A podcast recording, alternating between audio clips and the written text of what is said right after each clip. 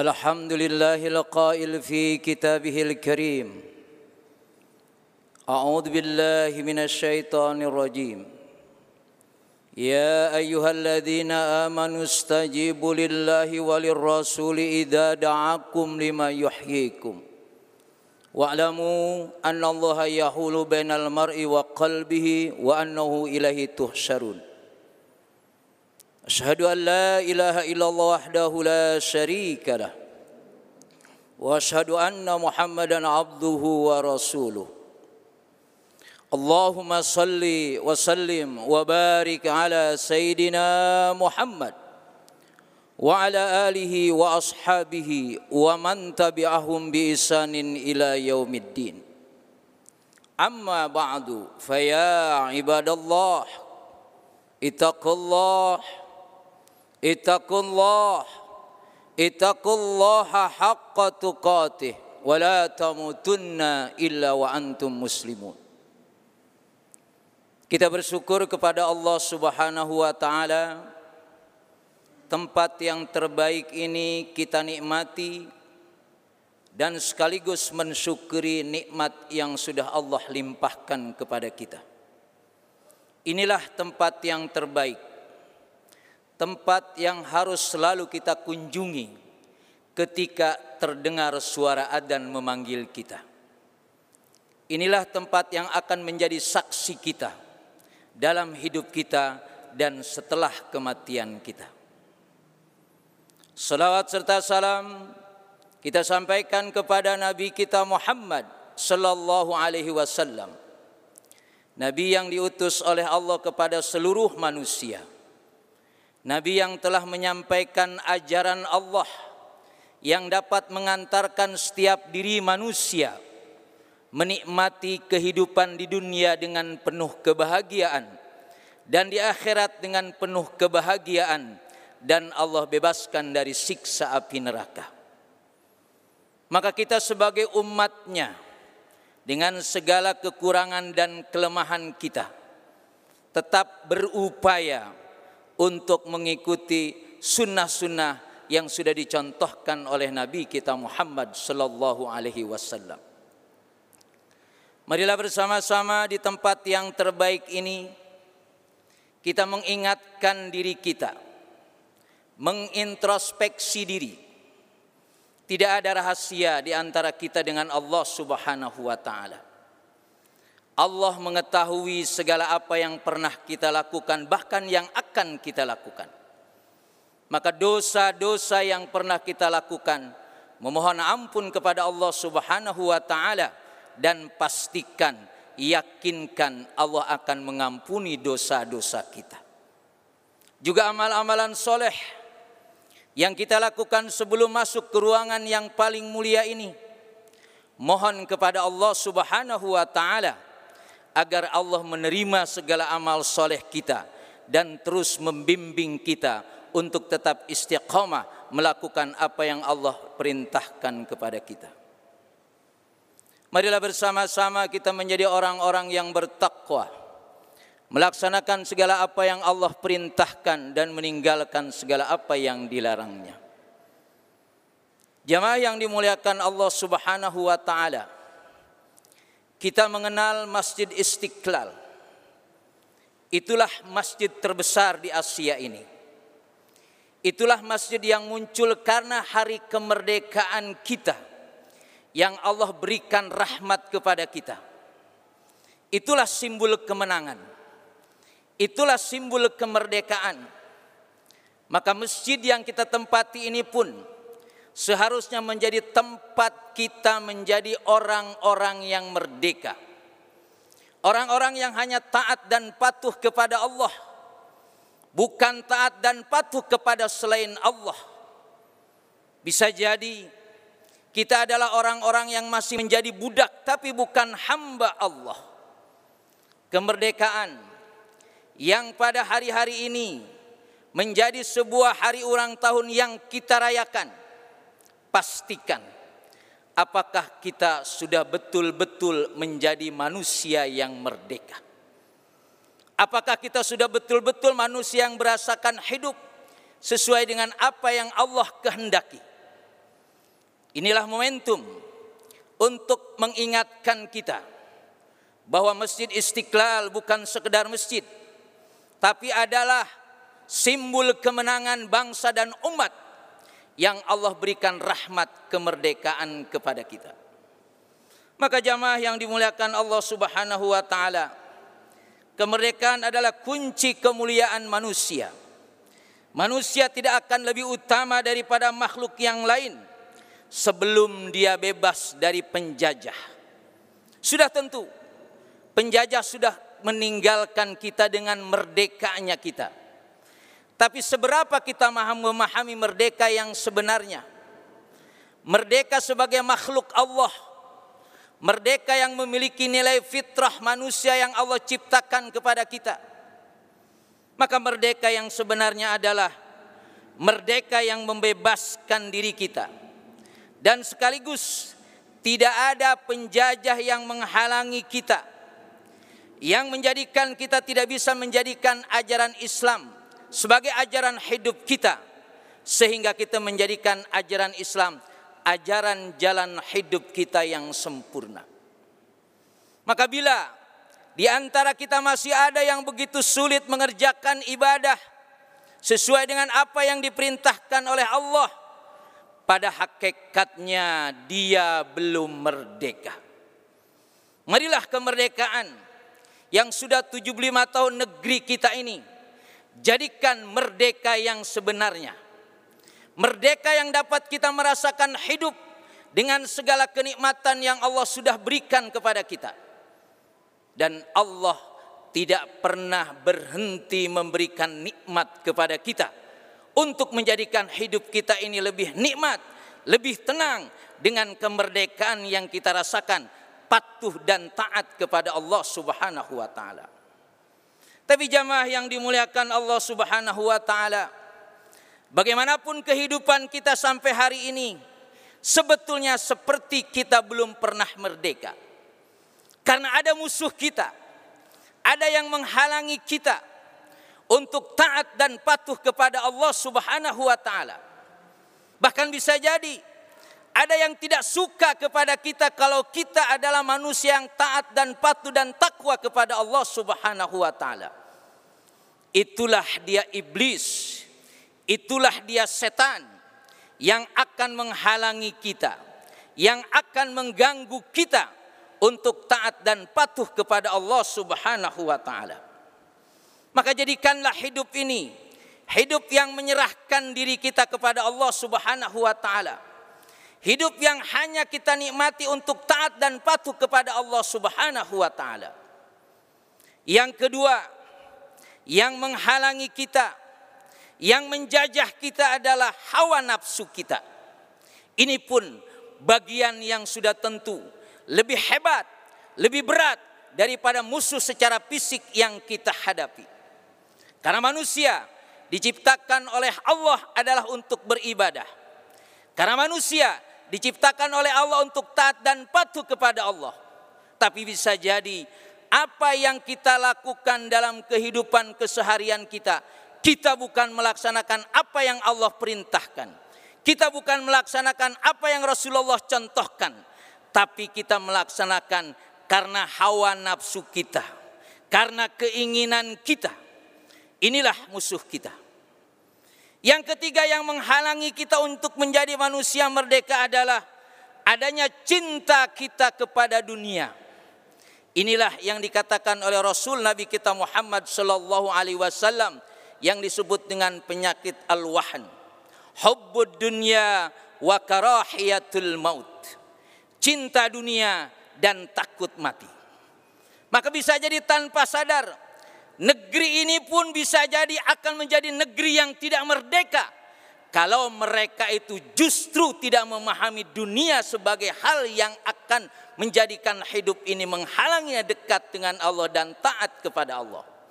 Pastikan apa yang Allah berikan kepada kita, harta, pangkat, jabatan, itu adalah semua cara Allah menguji kita. Seberapa akhirnya ketika jabatan Allah berikan kepada ketika. Ketika harta diberikan oleh Allah kepada kita. itu semua agar kita lebih taat dan patuh kepada Allah Subhanahu wa taala. Maka bila itu dijadikan sebagai satu penghalang kepada Allah dengan segala ketaatan kita, pastikan kita adalah belum menjadi manusia yang merdeka. Jamaah yang dimuliakan Allah Subhanahu wa taala. Yang keempat adalah perang pemikiran, gozul fikri. Quran dan hadis adalah sumber bagaimana kita memahami hidup. Bahkan di sana ada pemikiran-pemikiran lain yang akan mengganggu kita. Pastikan tidak ada kalam yang benar, tidak ada kalimat yang bisa mengantarkan kehidupan ini lebih baik kecuali Al-Quran dan Sunnah. Maka jadikanlah hidup ini merdeka dengan sebenar-benarnya merdeka dan kita menjadikan hidup ini adalah kenikmatan yang sempurna. Jamaah yang dimuliakan Allah Subhanahu wa taala. Maka ketika kita menyadari segala nikmat sudah Allah berikan kepada kita, rahmat Allah sudah berikan kepada kita kemerdekaan sesuai dengan apa yang ada dalam pembukaan undang-undang dasar. Maka Allah mengingatkan kepada kita. Ya ayyuhalladzina amanu stajibu lillahi walir rasuli idza da'akum lima yuhyikum. Wahai orang-orang yang beriman, penuhilah ajakan Allah dan ajakan Rasul yang akan menjadikan kamu lebih hidup. Karena memang ketaatan kita kepada Allah, kecintaan kita kepada Allah, ketaatan kita kepada Rasulullah, kecintaan kita kepada Rasulullah itu adalah hidup yang sebenarnya. Karena Allah dengan segala fasilitas yang Allah berikan kepada kita adalah agar kita terus menjadikan hidup ini dengan segala kenikmatannya. Maka jadikanlah nikmat-nikmat Allah kita menjadi lebih kenal kepada Allah. Maka jadikanlah segala nikmat yang sudah Allah berikan kepada kita, kita semakin cinta kepada Allah. Maka jadikanlah segala nikmat-nikmat yang Allah sudah berikan kepada kita, kita rindu ingin ketemu dengan Allah. Itulah kemerdekaan yang sebenarnya. Itulah kehidupan yang sebenarnya yang Allah kehendaki. Maka bila kita tidak menjawab, tidak menjadikan hidup ini adalah untuk ibadah kepada Allah, sebetulnya kita mati sebelum mati. Maka marilah jamaah yang dimuliakan Allah Subhanahu wa taala kemerdekaan dan masjid tidak bisa dipisahkan. Karena memang rahmat Allah, segala kebaikan yang Allah limpahkan kepada kita itu adalah berada di masjid. Maka kita tidak mungkin dalam ibadah keseharian kita tidak di masjid. Maka tidak mungkin ketika terdengar suara ajan kita tidak cepat-cepat mendatangi tempat suara itu ada. Bahkan Rasulullah menyatakan di dalam satu riwayat hadisnya, asqalu salati alal munafikina salatul isya'i wa salatul fajri walau ya'lamu ma fihima la atauhuma walau habwan Salat yang paling berat bagi orang munafik adalah salat isya dan salat subuh. Maka kalau mereka tahu apa yang ada pada salat isya dan subuh itu, mereka akan datang ke masjid walaupun sambil merangkak. Inilah bukti kemerdekaan. Maka istiqlal sebagai lambang kemerdekaan bangsa kita, negara kita. Jadikanlah masjid tempat kembali kita. Jadikanlah masjid tempat menjadikan hidup ini menjadikan hidup yang bernilai. Bahkan jamaah yang dimulakan Allah Subhanahu wa taala. Bila kita tidak menjadikan masjid sebagaimana Rasul sudah mencontohkan kepada kita bagian dari sunnah-sunnah di dalam ibadah, berarti kita sudah meninggalkan sunnah-sunnah Rasul dan ketika kita meninggalkan sunnah-sunnah Rasul, berarti kita masuk kategori kepada orang yang sesat dan orang munafik. Jadikanlah kemerdekaan yang sekarang sudah 75 tahun sebagai kemerdekaan diri dari segala penjajah termasuk kecintaan kita kepada Allah yang akhirnya kita rindu ingin ketemu dengan Allah yang mudah-mudahan Allah menjadikan kita orang-orang husnul khatimah. Inilah kemerdekaan yang sebenarnya. Dan jadikanlah hidup memiliki nilai iskariman mutsyahidan. Mati yang mulia ataupun hidup yang menjadikan hidup ini adalah yang terbaik. Dan jadikanlah hidup yang sekali ini hidup yang berarti. Jangan menyesal ketika kita nanti sudah meninggal karena tidak ada artinya. Mulai hari ini menyesallah dengan segala kekurangan kita dalam ibadah karena memang Allah tidak pernah memberi member, tidak pernah berhenti memberikan nikmat kepada kita. Yakinkan ketika kita terus memohon ampun kepada Allah, mensyukuri dengan segala nikmat yang Allah berikan dan kita mudah-mudahan menjadi husnul khotimah, maka kebaikan, kenikmatan, kemerdekaan akan kita rasakan ketika kita hidup sekarang dan nanti hidup setelah kematian kita. بارك الله لي ولكم في القرآن العظيم ونفعني وإياكم بما فيه من الآية والذكر الحكيم وتقبل مني ومنكم تلاوته إنه هو السميع العليم. أقول قولي هذا واستغفره إنه هو الغفور الرحيم. الحمد لله الذي أرسل رسوله بالهدى ودين الحق ليظهره على الدين كله ولو كره الكافرون. Asyhadu an la ilaha illallah wahdahu la syarika lah wa asyhadu anna Muhammadan 'abduhu wa rasuluh. Allahumma salli wa sallim wa barik ala sayyidina Muhammad wa ala alihi wa sahbihi ajma'in.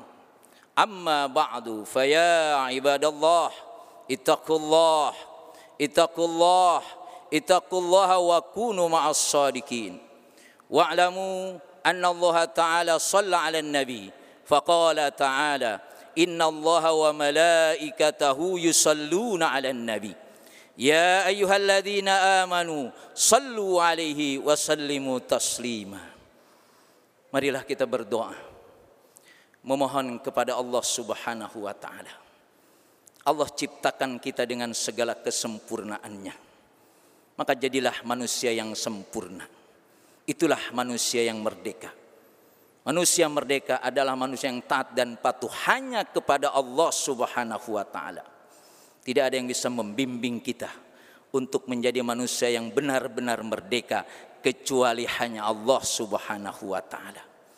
Tidak ada tempat yang terbaik yang harus kita kunjungi untuk kita menjadi manusia merdeka kecuali masjid yang sedang kita tempati ini. Hanya Allah yang membimbing kita. Hanya Allah yang menunjukkan kita. Doa inilah menjadi senjata kita. Allahumma salli ala Sayyidina Muhammad wa ala ali Sayyidina Muhammad. Wasallim wa radiyallahu ta'ala an kulli sahabati rasulillahi ajma'in. Walhamdulillahi rabbil alamin. Allahumma gfir lil muslimina wal muslimah Wal mu'minina wal mu'minat. Al ahya'i minhum wal amwat. اللهم سلمنا من آفة الدنيا وعذاب الآخرة. اللهم أصلح لنا ديننا الذي هو اسمة أمرنا. وأصلح لنا دنيانا التي فيها معاشنا. وأصلح لنا آخرتنا التي إليها معادنا. واجعل الحياة زيادة لنا في كل خير. waj'alil mauta rahatan lana min kulli syarr Rabbana la tuzigh qulubana ba'da idh hadaitana wa hab lana min ladunka rahmah innaka antal wahhab. Ya Allah ya Rabb Engkau Maha mengetahui segala dosa yang pernah kami lakukan. Dan tidak ada yang bisa mengampuni dosa ini ya Allah kecuali hanya Engkau. Ampunilah dosa-dosa kami ya Allah. Ya Allah ya Rabb tidak ada orang yang bisa merdeka dalam hidupnya kecuali engkau yang membimbingnya untuk menjadi manusia merdeka. Bimbinglah kami ya Allah. Jadikanlah hidup ini hidup yang bernilai. Hidup yang mengakhiri hidup dengan husnul khatimah. Segala nikmat setelah engkau berikan kepada kami. Tapi bisa jadi kami hamba yang kurang pandai mensyukuri dari nikmat yang ada. Jadikanlah kami ya Allah hamba yang pandai bersyukur. Karena nikmat terus engkau berikan. Tapi ibadah kami belum tentu kami terus kami lakukan. Engkau maha mengetahui segala apa yang pernah kami lakukan. Engkau maha segala-galanya. Dan jadikanlah hidup ini hidup yang memiliki nilai. Hidup yang memberikan segala kenikmatan kepada kami. Sesuai dengan apa yang engkau ciptakan kami makhluk hamuya ini ya Allah. Rabbana atina min ladunka rahmah wa lana min amrina rasada Rabbana atina fid dunya hasanah wa fil akhirati hasanah wa qina adzaban nar ibadallah innallaha ya'muru bil adli wal ihsan wa ita'idil kurba wa yanha 'anil fahsya'i wal munkari wal baghi ya'idukum la'allakum tadhakkarun fadhkurullahal azim yadhkurkum was'aluhu min fadli yu'tikum wa akbar